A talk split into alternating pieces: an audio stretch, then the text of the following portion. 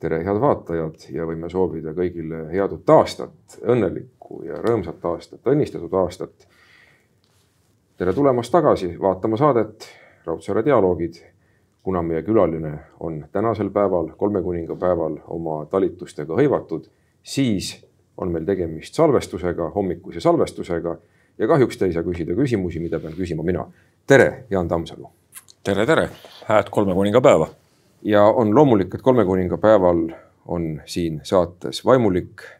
ja ma lugesin eile õhtul ühte lugu Hispaaniast, kus äh, räägime natukene kolme kuninga päevast, kus äh, kolmeks muistseks kuningaks riietunud näitlejad käivad tänaval ja jagavad lastele kommi ja algul ma mõtlesin, et see on selline väline efekt ja komm ei ole võib-olla kõige tervislikum asi, mida alati lastele jagada, aga teisest küljest see on ju sümbool, sümboliline lähenemine, nii nagu anti viirukit mürri, ega sa ei anna lapsele tänapäeval viirukit mürri. kulda võiks ju küll anda. kulda võiks anda ja teisest küljest laps on ju tegelikult ka nagu, nagu jumala laps, kõik me oleme jumala lapsed no kaldamatult ja, ja võiks ju küsida, mida see Jeesus siis selle nende tolleaegsete kingitustega siis oskas peale hakata, kui ta oli kas üheaastane või mõnekuune ja nii edasi, nii et, et eks need olid ka sümboolsed kingitused tol korral, et kohe ei andnud padaja panna.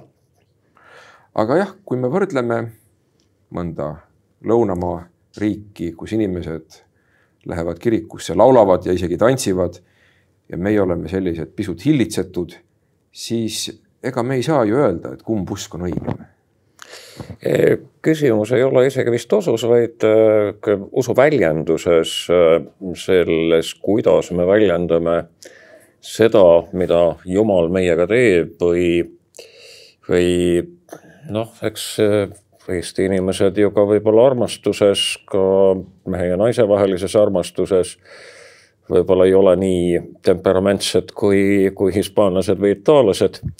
ega muidu paljud Eesti naised nii-öelda sinna ära ei abiellu, et, et me olemegi erinevad ja, ja see tõesti ei näita ära, kumb on parem, kumb on halvem, vaid pigem näitab midagi kliimamõõtmetest ja ajaloost, ajaloost ka kindlasti, jah.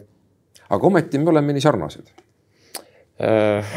ütleme nii, et äh, ühe looja looming samas mitte koopiamasinas tehtud. ma olen ikka mõelnud seda, et, et kui see looja on ikka suur ja vägev ja imeline, et ta nii-öelda iga inimese teeb erilise ja erineva teisest, et kahte ühesugust, kui on leitud enam-vähem ühesuguste nägudega inimesi maailmas, siis on sellest kohe suur jutt tehtud või kuskile lehte pandud, et see sarnaneb sellega aga mõelge, miljardid inimesed ja siis leitakse mõni, kes on näolt veidi sarnane, aga võib-olla, et mitte kehalt, võib-olla, et mitte sõrmedelt, võib-olla, et mitte varvastelt ja kindlasti mitte mõistuselt.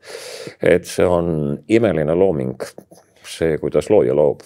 Aga meile on, kui me räägime sarnasusest, kõigile omane, kui me vähegi tahame ja püüame, kaastunne ja selline ligimese armastus, arusaam teisest inimesest ja nagu hiljaaegu lahkunud eh, Lõuna-Aafrika Vabariigi emeriitpiiskop Desmond Tutu ütles, et eh, inimene saab olla inimene tõeliselt siis, kui ta teeb head teistele.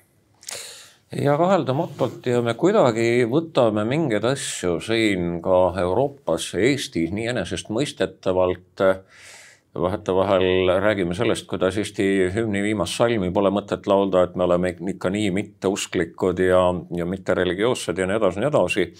samas ei oska võib-olla teist salmigi laulda peast, hea kui esimestki mäletad, aga, aga samas needsamad asjad, millele sa viitasid praegu ja sarnased asjad tulenevad väga selgelt kristlusest.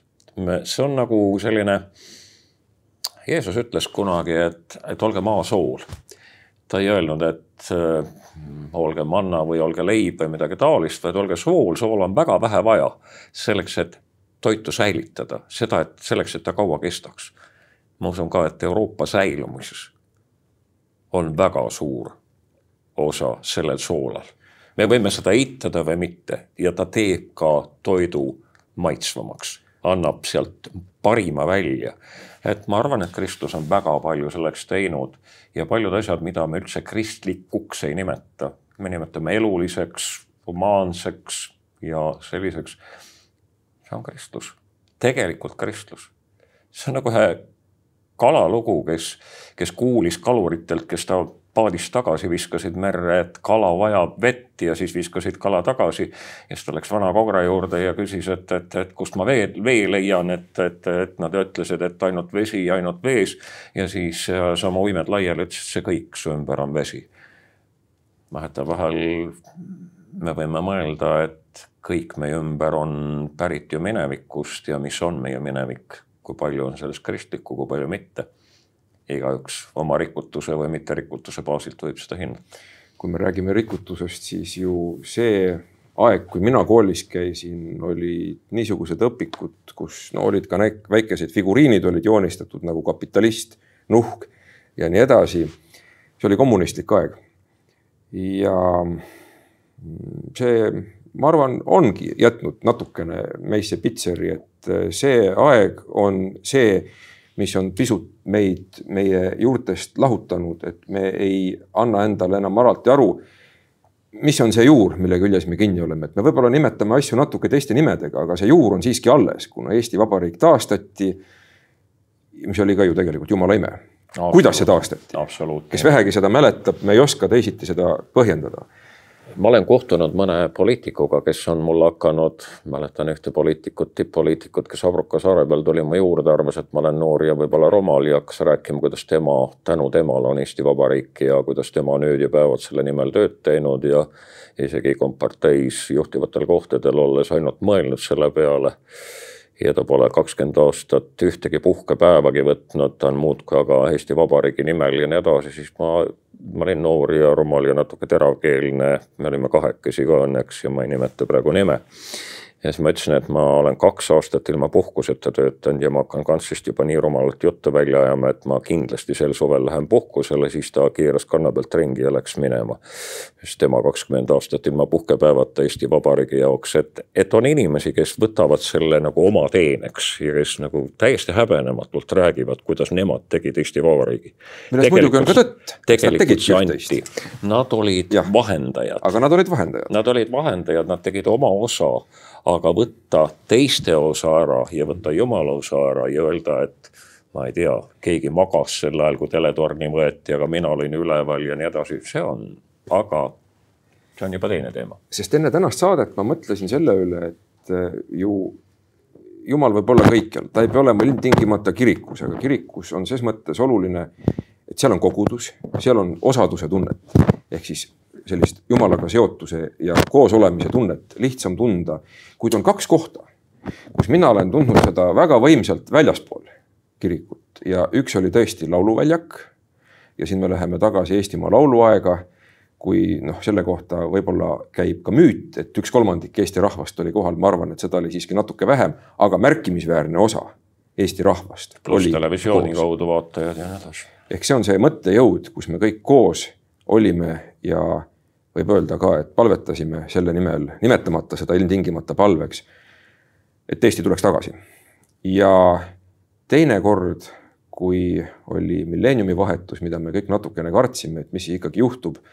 ja mul oli au olla Tese liikumisega aidata seal nendes Barcelona EXPO hallides ühte suurt teenistust läbi viia sellise aitava rühmana kus oli võib-olla viis tuhat inimest selles ruumis korraga, väga erinevad inimesed väga erinevatest konfessioonidest, kuna me teame, et see liikumine, kadunud isa Roger asutatud, on ju oikumeeniline mhm. liikumine mm. -hmm, aga ikkagi vaatamata sellele, et kõik oli nii erinev, kõik oli samal ajal nii sarnane ja ühes meeles ja sama ma ütlen Eesti kohta, kui ma lähen tagasi sinna Eestimaa laulu juurde, et mida me ka ju saate algul leidsime, et me oleme ju inimestena, indiviididena niivõrd erinevad.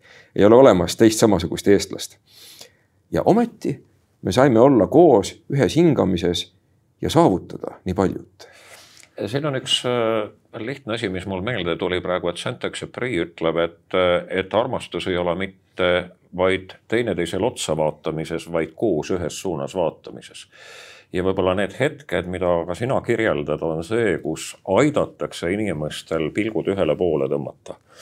et äh, mul tuleb üks teine hetk meelde, see oli äh, laulu- ja tantsupidu, kus esimest korda Tõnu Kõrvitsa ja äh, poolt tehtud väga ilusat viisi Kristina Hina mm, teksti lauldi. Leisi Koikson seda laulis ja see oli Kalevi staadionil see oli nii imeline, kui see laul pihta hakkas, kui naised tulid ära staadioni murult ja poisid läksid peale, lapsed läksid peale ja naised paitasid poiste päid laste päid, kes sinna staadionile läksid. see oli selline hetk, kus mul oli klomp nii kurgus, et ma ei ma ei saanud muud moodi, ma vaatasin taevasse, siis läks asi veel hullemaks, sest üks lennuk oli üle sõitmas staadionist ja üks väikene pilv oli helesinisest taevast teistpidi, tohutu suur ristdiagonaalis üle staadioni, kus lauldakse puuduta mind oma headuse väega, ainsaga, millel on väärtust ja kareda käega minu või sileda käega minu karedat saatust või kuidas seal on.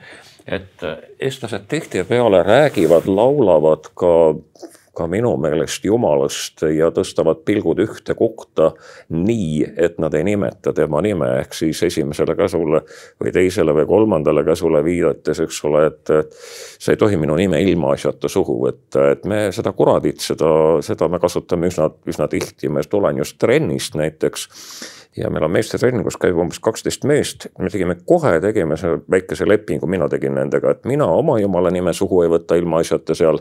ja teie ärge oma jumalat ka siis tarvitage, noh nüüd on üle pooled meest, mehed trenn, leiris juba ära käinud, aga, aga kuradit kuuleb seal üliharva. et, et eestlased väga palju ei tarvita jumala nime, ütleme siis nii edasi, aga aga see ei tähenda, et me oleksime väga vähe kristlikud inimesed ma toon ühe näite veel. seesama raamat, Keldi palved. mille. tiraaž on kaksteist tuhat juba. just, mul on see olemas. kaksteist tuhat eksemplari, Valdo Raud just tuli Anu Raua juurest. on ta tõlkinud need vanad keldi, vanad iiri, šoti palved. kuidas saab üks uskmatu rahvas osta kaksteist tuhat palveraamatut, üht ja sama raamatut? et ähm, ma ei ole nõus nendega, kes väidavad, et eestlased on uskmatu rahvas me oleme ainult natuke nii-öelda juurte pealt ära läinud ja ja meil on see asi, noh, võsa on põlismetsa asemele kasvanud ja igasugused muud uskumused on nii-öelda ka läbisegi põimunud kristlusega, nii et, et segadust on palju, aga jah, usuõpetust vähe ja haridust sellelaadset vähe ja eks, eks sellega läheb nüüd veel aega. ma olen lugenud eh, Facebookist neid suurepäraseid mõtisklusi. ja viimane mõtisklus oli ajast, kus oli näha Jaani kiriku kell seestpoolt vaadatuna ja lahti keeratuna, et seda kella saaks hooldada. ja et meil kõigil on nii vähe aega ja et me, mis on ka lingvistiliselt huvitav, peame kogu aeg muretsema midagi me muretseme, muretseme korterit või lapsi või, ja see just nagu tähendab, et me oleksime mures ja mõnikord oleme ju ka. aga me ei pea olema ilmselt mures, et äh, aega on tõesti meile antud, see on hindamatu kink, aga samas seda on meil ju täiesti piisavalt. Louis Armstrongi laul mulle meeldib, et meil on kogu maailma aeg, see oli viimane laul, mille ta lindistas enne oma surma. no meil on aega ju tegelikult, äh, selle kohta on Stefan Klein väga ilusa raamatu, võimsa raamatu Aeg kirjutanud, see on ainus raamat, mida ma olen vist vähemalt kümme korda läbi lugenud ja taas lugenud ja joonitud asju uuesti läbi lugenud. raamatupoodidest ammu, ammu otsas, aga kuskilt ikka leiab Stefan Klein Aeg ja tema räägib sellest, et äh, sakslane on saja aastaga saanud umbes poole eluaega juurde, et neljakümne pealt kaheksakümne peale keskmine eluiga. et see on tohutu tohutu tempoga või, või lühikese aja jooksul see aeg, meile antud aeg kasvanud, mida me saame siin olla. ja, ja me ikka kurdame, et teda on vähe, meil on nii tohutult palju tekkinud äh, vahendeid, millega nii-öelda aega võita ja meil mingisugused robottolmuimejad, tohutu kiired rongid, lennukid, meil on kõik see olemas. vanasti läks isa maalt linna ja tuli võib-olla järgmine päev tagasi, sest hobusega võttis see lihtsalt Saaremaa ühest otsast teise nii palju aega, eks ole, või keskpaiku minnes. et tuua siis lastele üks piparkook või midagi taolist, midagi paremat linnast, meil on kõik olemas. ja meil on ikka ajapuudus ja mulle väga meeldib see, mida Valdo Raud, mu hea sõber, oma elu lõpupoole tihtipeale tegi, kui keegi tema kuuldes rääkis, et tal on väga kiire, ta ei tea, kas ta homme jõuab või järgmine nädal jõuab või nõnda, tal on nii palju aega või nii vähe aega. ja Valdo oli vaadanud terava pilguga otsa mulle mitte kunagi, aga, aga Anu just rääkis seda. Anu Raud. Anu Raud jah, ja vabandust, jah, heast sõbrast äh, tuleb ikka perekonnanime ka teistele rääkides nimetada ja Valdo oli vaadanud siis sellisele kelkijale otsa ja oli öelnud, et huvitav, kuidas sul aega ei ole, meil on sinuga ühepalju aega ja sul ei ole aega, sa elad valesti, säti oma elu korda. ja kui üheksakümne aastane inimene sulle ütleb, et meil on sinuga ühepalju aega, siis äh, ja ütleb, et säti oma elu korda, siis võib-olla ongi see, et me muretseme võib-olla liiga palju asju minge vaadake Lehman Brothersi ähm, pikk etendus ära, võtke aega ligi neli tundi ja te saate aru, kuidas seda aega meilt ära võetakse sellega, et meile tekitatakse tunnet, et meil on kogu aeg midagi vaja. et meil on veel midagi vaja, me peame pangale, pangalt veel laenu võtma ja siis peame veel rohkem töötama ja nii edasi. ja lõpuks kukume surnult maha ja lõpuks ei tea lapsed, mis nende asjadega peale hakata, mida me, mida me oleme kokku korjanud. selle asemel, et natuke rohkem inimestega juttu rääkida nagu Ellen Neat ütleb, et, et ma mõtlen, et me peaksime enne, kui pimedus saabub, veidi rohkem teineteisega rääkima või umbes nii. et aega on, aega on palju tegelikult, aega on tohutult palju praegu on see kell siin on, mis me, mis me seda saadet teeme, küll kell on pool üksteist täna, eks ole, umbes.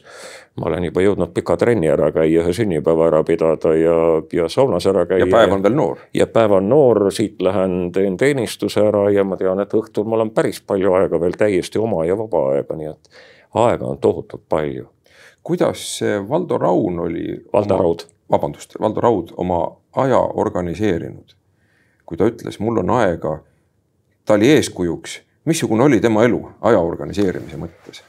ja võib-olla see, et ta tegi noh, tema viimane töö ongi seesama keldipalved ja, ja ta korduvalt rõhutas seda, kui tänulik ta mulle on, et ma talle sokutasin kavalalt need vanad äh, Šoti mm, ja Eri palveraamatud laua peale Šotimaalt tulles, ma olin seal kaks ja pool kuud ja armusin nendesse raamatutesse nii ära, et ostsin nad kokku ja, ja sokutasin Valdale sinna ja Anule raudadele sinna eh, söögitoa või elutoa laua peale ja läksin ise sauna ja ütlesin, et et nad natuke lehitaks, lehitseksid neid ja nii, nii nad raamatuks said.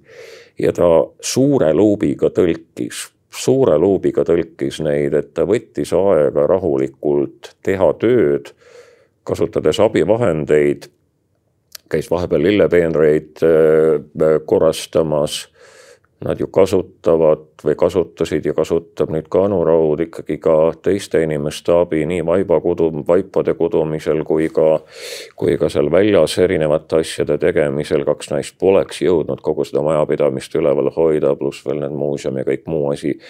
et, et kõike ei pea ise ära tegema, võib-olla see on nende naiste tarkus et et sa ei pea kõike ise ära tegema ja sa ei pea arvama, et, et, et, et sina oled ainus, kes, kes suudab õigesti nõud, nõusid pesta näiteks, et mõned naised on väga pahased, et mees mitte midagi ei tee. kui ta kolm korda nõusid pesi, iga kord sa tulid juurde ja ütlesid, et siit on vahuni ja siit on must ja nii edasi ja nii edasi, siis sa said sellest olukorrast lahti. ega mees enam ei pesegi ja, ja, ja, ja kui sa poisile ütled, et sa koristad valesti või nõnda et on inimesi, kes suurepäraselt oskavad kaasata teisi inimesi, kes oskavad delegeerida ja on inimesi, kes arvavad, et nemad teevad kõik maailma asjad õieti. ja teised kõik on laisad ja lohakad või kuidas selles nukitsa mehes on, mina üksi pean rabama. ja siis oled surmani väsinud ja siis tuuakse sulle suured pärjad, loomulikult peetakse väga ilusad kõned, aga noh, mis sul sellest enam tegelikult oleks võinud veel paarkümmend aastat elada, kui oleks natuke puhkust võtnud, mõne puhkepäeva võtnud kirikus istunud ajatus ajas, Stefan Klein ütleb, et kirik, jumalateenistus, liturgia, aeg on hoopis teine kui see, kui sa oled nagu oravrattas minemas. see tund aega seal või poolteist tundi seal võib, võib, võib su elule tegelikult tunde või päevi juurde anda, sa saad mõtted korda õigesse suunda seatud ja, ja mida hakkab, midagi hakkab sinuga toimuma just täna ütles mulle üks mees, kui tänulik ta mulle on, et ma olen ta kutsunud nende tegevuste juurde, kus ta on leidnud ennast uuesti üles. kus ta on rattast välja tulnud eelmiste pidevate kiirustavate tegemiste juurest kirikusse ja mõnda muusse kohta veel ma arvan, et seda aja mahavõtmist on hispaanlased ja Hispaania kultuur mulle väga hästi õpetanud. miks meil sellega nii raske on? me ei ole ju nii erinevad, et protestantism ei tähenda ju seda, et me peaksime ennast noh, tammsaarelikult võib-olla nüüd valesti tsiteerida, surnuks töötama no me oleme ikka väga erinevad küll ja, ja meil on ikkagi päris palju karmimad talved küll ja meie gaasi ja elektriarved on kindlasti kõrgemad oh, kui seal ja nii edasi et looduslikult on see üks asi, võib-olla ka ajalooliselt äh, see, kuidas on meiega käitud või, või kuidas me oleme ise üksteisega käitunud. kupjad peaasjalikult ei olnud ju sakslased, vaid olid eestlased eestlaste üle ja nii edasi. Äh, ma mäletan, kuidas üks äh, mees, kelle, kelle tütar mu armas pruut oli, mulle sõjaväkke minnes ütles, soovis kaasa, et, et ma soovin sulle ühte asja, et sul ei oleks Eesti ülemust sõjaväes, Eesti ohvitseri alla ei satuks, et kõik muu on välja kannatatav. noh jah, Eesti armees ma kindlasti nii ei, enam ei arva, aga, aga see oli Nõukogude armee kohta, et kui mõni mees on ohvitseriks seal, siis pole jubedamat, jubedamat olukorda sul, kui sa ta alluvusse satud. võib-olla oleks nii olnud, ma ei märganud, kuna mul ei olnud et äh, me oleme üksteisele kupjad, me oleme iseendale kupjad ja, ja võib-olla see töö teeb õndsaks või et läbi töö. siin on kindlasti ka religioonil oma osa, kindlasti protestantism, mis väga nii-öelda tööd väärtustab ja korralikku tööd, noh Luter, kes ütleb, et et kui preester arvab, et ta viis korda päevas missat pidades midagi paremat teeb, kui, kui üks tütarlaps, kes lehma lüpsab ja teda paitab samal ajal ja, ja, ja hästi süüa teeb. et siis preester küll väga eksiteel on et Lotar toob sellise töö tähtsaks pidamise väga-väga sisse, et võib-olla katoliiklikus maailmas on seda olnud vähem ja, ja rohkem on olnud seda seda kultuuri läbi aastasadade, et, et puhkus on ka oluline, et, et me peame nendelt midagi õppima, et nii nagu, nii nagu me trennis oleme õppinud mingitelt äh, ida, idameestelt ka, et teatud harjutusi, paindeharjutusi ja nii edasi. viite tiibetlas teeme näiteks, eks ole, alguseks, alustuseks, sest noh, Munga kloostrites ei ole sellist analoogset asja nagu tehtud, et, et tark inimene õpib, õpib ka teistelt, rumal püüab kõik ise leiutada et see on võib-olla ka meie üks eripära, et me kipume kõike jälle seesama, et kõik ikka ise ja, ja mitte nii nagu naaber. no ja siis tuleb rõõm elust. siis tuleb rõõm elust, see avastamine, et, et, et, et asju võib teha ka natuke kergemini, natuke mõnusamalt, noh, seesama mm, mees, kellest me enne saate algust rääkisime korraks, Fred Jüssi, kes ütleb, et õppige molutama. jah, no temaga Anu Raua juures koos olles üks, üks, üks talv mitu päeva mm, lauldes, mängides, juttu ajades ma äkki, äkki taipasin, et see on ikka mõnus küll, see mõljutamine, see on tõeliselt mõnus asi. aga heas seltskonnas on hea mõljutada. ja aga see ei ole ju sisutühi tegevus. absoluutselt mitte, absoluutselt. nii nagu mitte. Äh, üks teie viimaseid intervjuusid äh, sisaldas tähelepanekut, mõtlemiseks on vaja kahte inimest. ja see on. nagu Holmes ja Watson. see on jälle, see on jälle äh, Fred Jüssi, ma ühel hetkel imestasin ühe mõttekäigu üle, milleni ma äkki, äkki jõudsin. ja ütlesin talle, et ma ei ole kunagi selle nurga pealt mõelnud, et küll on hea, et me siin koos oleme. ja Fred vaatab mulle otsa siiraste silmadega, ütleb, kas sa ei teadnud, et mõtlemiseks ongi vaja kahte inimest geniaalne lause mu meelest ja ma olen seda tihtipeale mõelnud, et seltskonda tuleb valida.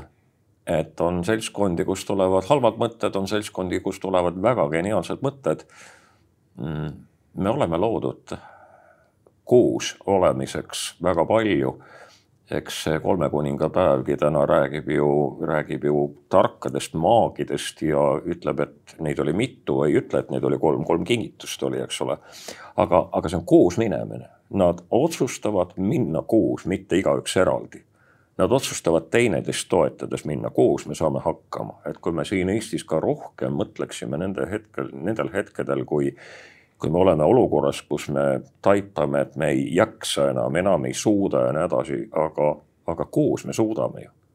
siin on ju teisi inimesi ka, me ei ole ju üksi. äkki võiks kellelegi helistada, äkki võiks kedagi paluda, äkki võiks kellelegi rääkida, kasvõi kurta, aga mitte nii, et tüütada inimese ära ja pressid midagi välja, et, et kolme kuningapäev õpetab ja, ja õpetab ka kinkima, õpetab, nagu sa alguses ütlesid, need kommid, eks ole. et äh, Norras on näiteks niisugune komme, et advendi ajal tekitatakse lastele niisugune rahakarp põrsas või midagi -hmm. taolist ja, ja taskuraha panevad lapsed sinna. ja jõuludeks lähevad, viivad nad lastekodusse või kuskile selle see tähendab seda, et see, mis on mulle antud, ma lähen kingin seda edasi, see on jõulude mõte, see on ka kolme kuninga püha mõte. Need targad, need maagid, need lähevad ja annavad midagi ära. me võime küll öelda, et noh, nad oleks võinud ka mõelda, et mis sellele väiksele lapsele selle kullaviiruki ja mürriga, aga nad lähevad, annavad parimat, kõige kallimat. täna üks mees helistas mulle ja ütles, et, et ta kandis üle järgmise vitraažakna raha Jaani kirikule, mis hakkab alates maikuust särama igal õhtul ja öösel valgustatuna Jaani kiriku ees Vabaduse väljakul. üks mees lihtsalt võttis kätte, ütles, tal on eelmine aasta väga hästi läinud. olge head. kolme kuningapäeva kingitus kirikule, kõik kordub kaks tuhat aastat tagasi ja nüüd. jah, sest eh, neid kingitusi on ju varemgi tehtud ja iga kord, kui ma sõidan mööda Tartus Peetri kirikust ja vaatan selle katuseid, siis mulle meenub üks õnnis ettevõtja, kes, kes selle kingituse tegi. aga kui me räägime koostööst ja see koostöö võib olla mitte ainult inimeste vahel, vaid riikide vahel. Euroopa on ju see koht, kus me saame teha koostööd. ja minu meelest ka see on kõik väga sügavate kristlike juurtega, mismoodi me asju ajame kuid mulle tuleb meelde Euroopa ehm, tulevikukonvent, kui oli üks hetk juttu, et võiks mõelda Euroopa ühisest uuest põhiseadusest. sinna konventi kuulusid küllaltki lugupeetud ja targad inimesed, endised presidendid, peaministrid ja nii edasi. Ehm, minu mälu järgi oli meie poolt oli Lennart Meri seal isegi esindatud. ja seal puhkes ootamatu vaidlus selle üle, et kas peaks sisalduma selles põhiseaduses viide kristlikule pärandile, kristlikule kultuurile. lõpuks see ei läinud sinna sisse, aga etteruttavalt, ega sellest põhiseadusest ka mitte midagi ei saanudki lõpuks. vot sellega on niisugune lugu, et ma olen ikka mõelnud seda, et religioon on nagu liim ja kui seda liimi on vähe ühiskonnas või mingite ühiskondade äh, nii-öelda koostegevuses ja nii edasi, siis lihtsalt asi lagunebki ära. et me, me vaikselt nende asjade peale mõtleme, siis me võime neid näiteid leida üsnagi palju, kus see, kui me, kui me eitame oma juuri, eitame oma kristlikku nii-öelda kuuluvust, oma vanavanemat usku ja nii edasi, nii edasi, siis hakkavad, asjad hakkavad väga käest ära minema. aga seesama, mida ma ka alguses ütlesin, et me peame paljusid asju enesestmõistetavaks ja me ei suuda sellele mingit ristiusu silti külge riputada. võib-olla ei peagi. võib-olla ongi nii, nagu mõned targad on öelnud, et kristlus on oma töö teinud ja, ja me maitseme selle vilju praegu, aga me, me ei räägi sellest, me ei pane seda silti juurde, et see on kristlus see on juba igapäev, see on. aga kas ei peaks tänav. rääkima asjadest õigete nimedega? no võiks küll jah, ütleme nii, et häbeneda ei ole midagi ja mul on aeg-ajalt ka natukene muret selle pärast. ma ka muretsen vahetevahel, näete, et äh, Jeesus on öelnud, et äh, kes häbeneb mind, seda häbenen mina oma isa ees. ja see võib olla ka terve rahva kohta et äh, rahvas, kes äh, kurateid äh, kaheksakümmend korda enam, kui, kui pöördub Jumala poole, noh, suhtarv võib olla umbes nii, eks ole, kui ma nüüd Eesti meeste sellist keskmist kuradi, kuradilembust nagu sõnavaras hinda, hinnata oskan, siis me ei peaks imestama, kui me, kui me üsna hätta jääme, hädiseks jääme ma ikka mõtlen seda näidet Tallinna Jaani kirikus olles üsna tihti, kui, kui Päts ja Laidoner väga tõsiselt arutasid Jaani kiriku lammutamist ja Vabaduse väljaku Äh, laiendamist, sest tankid ei suutnud ümber keerata, lihtsalt nii viletsad tankid olid, aga oli vaja Venemaale ja Saksamaale näidata, milline tehnika meil on. trofeetankid, mis keerasid kehvasti, Mark just, absoluutselt. Ja, ja, ja plats tuli suuremaks saada, see mm, edaspidi, edasine kool ja kuni Estoniani välja tuli plats teha suureks. ja mida nad siis planeerisid, kohtupalleed selle asemel ja kuuekümne kuue meetrist ratsamonumenti Laidoner planeeris kuuekümne kuue meetrist niisugust posti, mille otsas oli hobune. aga kes seal istuma pidi? ei no seda ma ei teagi. seda nimetati tasujaks, aga Aha. küllap ikkagi oleks Laidoneri temaga võrdsustatud. ja, ja selline plaan oli, eskiisid olid olemas, Kotli oli ju projektiautos ja kõik oli juba olemas ja neljakümne neljandaks pidi Vabaduse väljak olema laiendatud ja see tohutu suur Kaarias kohtupallee, kohtupallee keset Tallinna linna see oli plaan ja Jaani kirik tuli lammutada kosmose juurde, öeldi, et tehke omale uus kirik, eks ole, mis ikka kolmkümmend kuus tuhat elanikku, inimest ainult koguduses saate hakkama. ja mis siis tegelikult sai, mis sai sellest riigist, mis sai nendest paraadidest, millised paraadid siis asemele tulid. et rahvas, kes, kelle juhid ka unustavad selle, kes on toonud vabaduse, kes on andnud õnnistuse ega nendel ei pruugi hästi minna. aga jumal on tihtipeale ka väga armuline ja halastab. annab meile meie rumalused ja kõrkused andeks ja. mulle meeldib ka nii mõelda, et igalühel on elus ikkagi ka teine võimalus. ka siin elus juba. mulle tundub, et isegi kolmas ja kolmekümne kolmas, aga selle peale nagu lootma ei saa jääda, nii nagu mu üks sõber ütles, et talle budism meeldib rohkem, et seal antakse järgmises elus uus võimalus. aga aga võib-olla oled hoopis krokodill või ja mis võimalus sul siis on?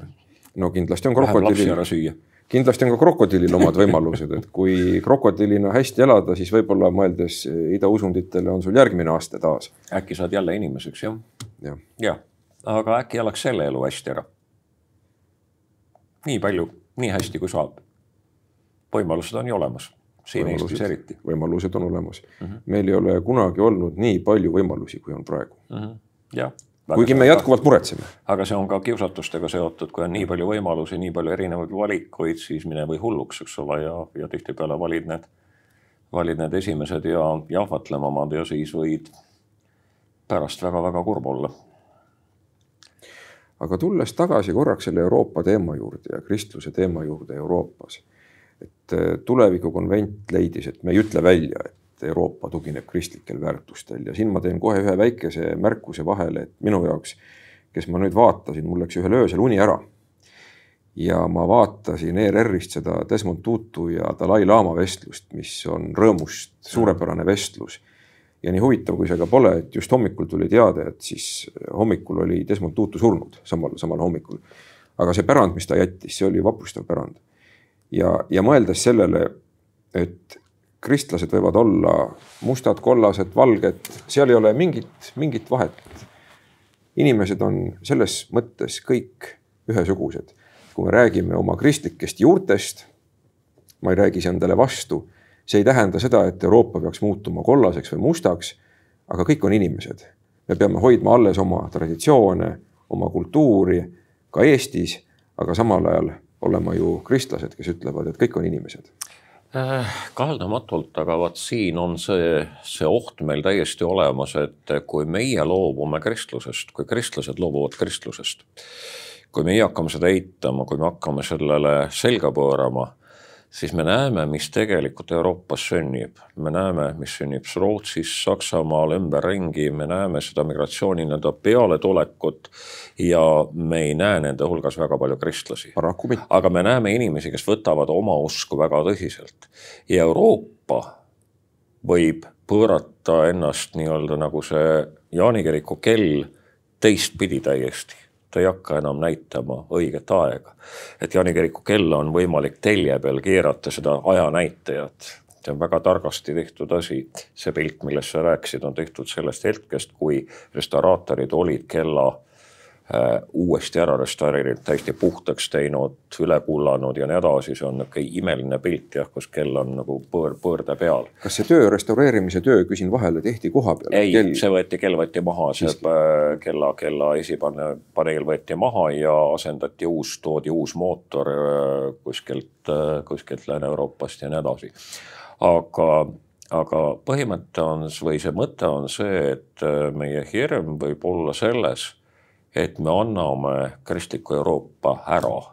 ehk siis ühel hetkel toimub see, mis siin pidi juhtuma Eestis, kus, kus muulaste osakaal vaikselt muudkui kasvas ja kasvas ja oleks võinud olla üle viiekümne protsendi ja mis siis edasi oleks saanud. aga praegu on migratsiooniga võib juhtuda täpselt seesama asi. küsimus ei ole selles, et nad on vähem väärtuslikud või, või midagi taolist, vaid küsimus on selles, et nende kultuur on absoluutselt erinev kui meie oma ja kas meil on mugav siis nende kõrval elada, kui nemad oma traditsioone väga tugevalt peavad ja meil ei ole enam mitte mingisuguseid traditsioone. et, et nad võtavad siis lihtsalt üle. ja meie oleme ühel hetkel need, kes hakkavad tegema seda, mida nemad on otsustanud ja hääletanud. et, et see nii-öelda oma usus algamine võib väga kergelt Euroopa jaoks lõppeda sellega, et sa elad äkki riigis, kus sa ei taha enam elada. minu hea õppejõud äh, Andres Taul, mm, kes on nüüd lahkunud, omal ajal ütles eetikaloengus, et ärge mingil juhul sekkuge, kui midagi valesti on. ärge mingil juhul sekkuge ja siis jättis väga pika pausi ja ma pidin juba karjatama, et see ei ole mingi kristlik eetika. Õnneks hoidsin oma suu kinni, ta pidas pika pausi ja ütles, aga pärast ärge vinguge, et teil on endal ebamugav elada selles maailmas, kus te ei ole sekkunud õigel ajal. et ma arvan, et me võiksime sekkuda mitte sellega, et me teisi maha teeme või ütleme, et teised on halvad, vaid et me võtame seda tõsiselt mis on meie jaoks oluline, oma juuri ja, ja juurteta puu, no me võime ju teda mingite abivahenditega toetada. Tallinna Jaani kiriku tornikatus, võtsime selle pleki lahti siin paar aastat tagasi, selgus, et ainult ematala oli veel terve. kuusteist külgtala, kõik olid läbi mädanenud. tänu ühele talale seisis asi Vabaduse väljakul üleval et oleks võinud juhtuda nagu Väike-Maarjas suurema tormiga. absoluutselt, aga kuhu poole oleks siis see torm kukkunud, kas inimeste poole, kas oleks päeva ajal olnud Vabaduse väljakul või sinna oreli poole ja katuse poole ja nii edasi, nii edasi. et, et mul on tunne, et Eestimaa ka ja kogu Euroopa praegu on, on just selle ematala peal veel seisev asi, ülejäänud on ümber ära mädanenud. me ahnitseme just Anu, Anu Raua juures olles tuli ikka ja jälle see sõna ahnus välja, et, et see meid hukutab, see meie ahnus, et meil on rohkem ja rohkem vaja. tegelikult ei ole vaja. kui me vajadusepõhiselt elaksime, oleksid meie riidekappides, garaažides, kodudes hoopis teistsugused pildid. see ei ole vajaduspõhine, see ei ole talupoeglik mõtlemine me ei kihutaks enam, me ei, me ei unistaks kolm korda aastas reisimisest kuskile muu, mujale, et oma raha ära kulutada, mis me oleme kolme töökoha peal nagu kokku ajanud ja nii edasi. kui me hakkaksime vajadusepõhiselt elama, oleksime me üsna õnnelikud siin nende võimaluste maal. aga meile on suudetud, nagu Lehman Brothers'is öeldakse väga ilusasti see ära, meile on suudetud selgeks teha, et meid teeb õnnelikuks see, kui me osta saame et see on meie, see ongi meie elu. see järjest uue ostmine tegelikult ei ole. äkki saaks uuesti targaks. Neid kolme nimetatakse targaks, kolm kuningat, kolm tarka lähevad. targad on nad sellepärast, et nad hoiavad kokku ja nad liiguvad ühes suunas ja see suund on õige. ja nad annavad. ja nad annavad. Nad on tänulikud kinkijad, nad kummarduvad õigele poole. Mats alati on tubli mees, ei kedagi ta pelga ei kummardada saksa ees, ei tõmba küüru selga, aga võtab mütsi kahes kohas maha. ma pean luterlikus kirikus juba korduvalt inimestele, kontsertidele tulevatele inimestele ütlema, et olge head, võtke müts maha. Nad küsivad, kus see kirjutatud on? mul on inimõigused. müts kõrvuni peas tuleb, istub esiritta meesterahvas. ja ma pean, ma pean hakkama mingisuguseid tekste koostama, eks ole, et ütelda, et kirikus võttis ikka Mats mütsi maha. äkki tal on külm? No, Jaani kirikus ei peaks enam olema. kaheksateist kraadi, et, et kui ta on kaheksateist kraadiga külm, siis, siis kodus peaks ta kindlasti soojataluspükstega kogu, kogu aeg ringi kõndima ja, ja naine peaks võib-olla talle sooja kotiga andma istumise all, et. aga see on see, et, et, et juured kaovad ja see võsa on üsna, üsna ebameeldiv meil on kõik, kõigil natuke ebamugav, natuke ebamugav teiste pärast, natuke ebamugav enda pärast. meil ei ole enam seda, mis meid ühendaks jaa, ma toon ühe niisuguse kujundi siia juurde, et me kõik mäletame ilmselt eh, Pariisi Jumalamaa kiriku põlengut, mis oli väga traagiline vaadata ja samas küllaltki heroiline, kuidas suudeti päästa tornide osa. ja tuletõrjujad nägid palju vaeva. ja milline oli, milline suurepärane reaktsioon järgnes sellele annetuste näol ja lubaduste näol see kirik taastada, ka poliitikud kuni presidendini Prantsusmaal võtsid sõna, ütlesid, et see kirik taastatakse nii, nagu ta oli. ja mida ma nüüd loen mõni aeg tagasi, et käivad arutelud, et ta võiks muutuda selliseks natukene multikulti niisuguseks. ma ei oska isegi võrdlust tuua, aga ütleme just nagu mingisugune, kui ma nüüd Eesti kontekstist peaksin võrdluse tooma, just nagu mingisugune kirik, mis on olnud nõukogude ajal kuivati ja siis ta on taastatud, aga ta on taastatud eh, kontsertsaalina. Niguliste. ma igaks juhuks ei maininud seda. ja, aga nii ta on ja, lihtsalt ju. kust on kõrvaldatud suur osa nii-öelda selle kiriku elemente, mis on kirikule omased ja olulised. et on järele jäänud. teiste kohtade peale pandud no, ümber pandud altar no lääne poole või midagi taolist. no ja, aga et ta on muuseum, et põhirõhk ja. on kontsertsaalil, muuseumil ja, ja, ja see algne funktsioon on midagi niisugust, mis just nagu pole väga soovitav, kuna olud on muutunud, me oleme moodsad mm -hmm. tänapäeval. ja, ja, ja, ja see debatt praegu kerib hoogu Prantsusmaal. ma väga loodan, et see idee niisugusel kujul ei realiseeru, vaid ikkagi see kirik taastatakse nii, nagu ta oli. see on kummardumine valele poole. Äh, see on oma põhiväärtuste nii-öelda salgamine ja, ja, ja ju siis on, ju siis on põhjust Vene valimisi nii mõelda valijad on, valijate hulk on juba, juba, juba selline või kooslus on juba selline, et, et on välja arvutatud, et on nii mõistlik välja pakkuda. aga nendest asjadest on kurb, aga, aga siin Eestis mina tunnen küll rõõmu paljude asjade üle. mille üle? ma tunnen rõõmu selle üle, et me ei ole kõigega kaasa läinud, mida on, on meile väljapoolt nagu peale surutud ja ma tunnen selle üle rõõmu, et talved on siin niisugused külmad, et siia ei taheta väga palju tulla ja jääda väljaspoolt, tahetakse edasi minna, ma tunnen rõõmu selle üle, et me ei ole saanud viieteistkümne Euroopa rikkama riigi hulka, nagu on ühedel valimistel meile lubatud.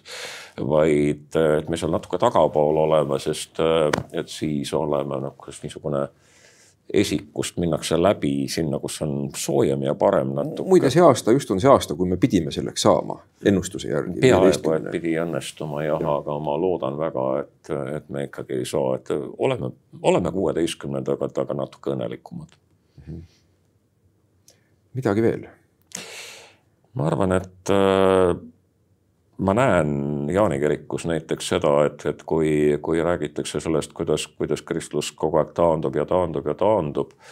ma näen, kui palju inimesi käib kirikus, ma näen seda kahtekümmet viite tuhandet, kes detsembrikuu jooksul kirikust läbi käis erinevatel teenistustel, kontsertidel ma näen, kui palju on kasvanud armulaualiste arv Eesti luterlikus kirikus neljakümne kaheksa tuhande pealt saja viiekümne tuhande peale viiekümne aastaga. tähendab, et jutud hääbuvast kirikust on, on, on baseeruvad nagu mingisugustel kindlatel arvudel liikmenete arv ja siis kohe hääbub ja nii edasi, nii edasi kasvõi seesama täna hommikune ütlemine, et, et ma kingin selle vitraaži Jaani kirikule ja et need inimesed, kes on lahked, helded, tähelepanelikud, inimesed, kes vajavad kirikut, inimesed, kes tulevad suure rõõmuga, inimesed, kes tulevad kurbusega ja lähevad rõõmuga ja lähevad rahuga. kas see, milliseid asju loetakse, ma näen enda raamatute puhulgi seda, kui kui suured tegelikult on need tiraažid, mis, mis, mis maha müüakse, et, et need asjad teevad, teevad rõõmu. Või kasvõi need Facebooki postitused, mida ma olen teinud just selleks, et vahepeal olen ka mõelnud, et ma võtan nad nüüd maha, et aitab nüüd küll, et, et mis ma ikka inimesi kogu aeg tüütan. ei, ei, ma arvan, et ja tuleb kui... olla seal, kus on inimesed, ka Jeesus oli seal, kus olid inimesed. absoluutselt, ma korra ütlesin lihtsalt, et pange, pange, pange see põi, põial, kui te tahate, et ma jätkan, lihtsalt ma ei taha teid tüüdata. ja no seda ei jõudnud ära vaadata, seda numbrit, et, et, et selles mõttes ma näen, et see, mida ma teen sellel on, on nagu väga palju positiivset tagasisidet ja, ja see teeb rõõmsaks, ma teen asju, mille üle olla rõõmus ja ma näen, et kirik ei ole kaduv suurus. see, kui ma olin kunagi ehitusmeister ja täna olen, täna olen vaimulik, ma ei pea oma valikut absoluutselt kahetsema. ma olen õnnelik, et ma jätsin oma palju tasuvama töö ja, ja, ja praktilise töö ja, ja tulin vaimulikuks ja, ja saan kirikuid korda teha ja, ja näen, kuidas inimesed saavad üles ehitatud, et ma näen väga palju positiivset oma ümber, väga palju vahvaid inimesi. ma olen näinud ühte niisugust vahvat inimest, kes oli ka ju tegelikult ehitusmeister ja lõpetas õpetajana Vello Salumaa kes väga palju tegi nii melioraatorina kui ehitas üles pastoraadi, aga saade hakkab otsa lõppema. me ei jõua sellest rääkida, kes tahab näha, mis ta teinud on, võib minna Pilistverre ja vaadata kasvõi seda mälestuskangrut. ja mõelda, et tema oli ka üks ERSP asutajatest ja üks Eesti riigi taastajatest üks Eesti riigi taastaja. pidin ERSP mängi, märgi täna rinda panema, aga millegipärast ei pannud, ma ei tea, miks ma pidin panema, aga nüüd ma sain aru, miks ma pidin panema, ma olen ka üks asutajaliige seal ERSP-s. aga Pilisteres me käime leerilaagrites Jaani kiriku äh, gruppidega, nii et leer algab varsti pihta, nii et saab tulla aga lõpetuseks ühte huvitavat asja ma märkasin, mida ma ei saa mitte mainimata jätta, et Jaan Tammsalu on teeninud kolmes Jaani kirikus, Saaremaal Jaani kirikus, Viljandis Jaani kirikus. hea küll, Saaremaa nimi oli natuke pikem, aga sõna Jaani sisaldus selles nimes. ja nüüd Tallinnas Jaani kirikus. ja tegelikult on neljas veel ja see on Edinburgh'i äh, Prince Streetil peatänaval olev äh, John, St Johni kirik, nii et, et seal ka aga, aga nii on jah läinud ja, ja ükski kirik ei ole minult nime saanud, vaid mina olen saanud nime nähtavasti ikka Johanneselt, et, et kõik Jaanid on olnud Johannesed, et Eestis said nad Jaanideks ja Venemaal Ivannideks ja et, et on läinud nii jah, aga vahepeal olen ka olnud äh, teistes kirikutes, on olnud Valjala Martini ja, ja Karja Katariina ja, ja, ja mitmed muudki veel, kus on teenitud. aga palju jõudu selleks, äh, aitäh selle vestluse eest tänasel kolmekuningapäeval, mis ju veel suuresti on ees jõudu kõigeks, mis täna ees ootab. Lähen teenistust pidama ja õnnistust ja hoidmist ja tarkust. just. niisugused olid tänase saate lõpusõnad, millele mul ei ole midagi omalt poolt lisada. kohtume järgmisel nädalal, kõike head teile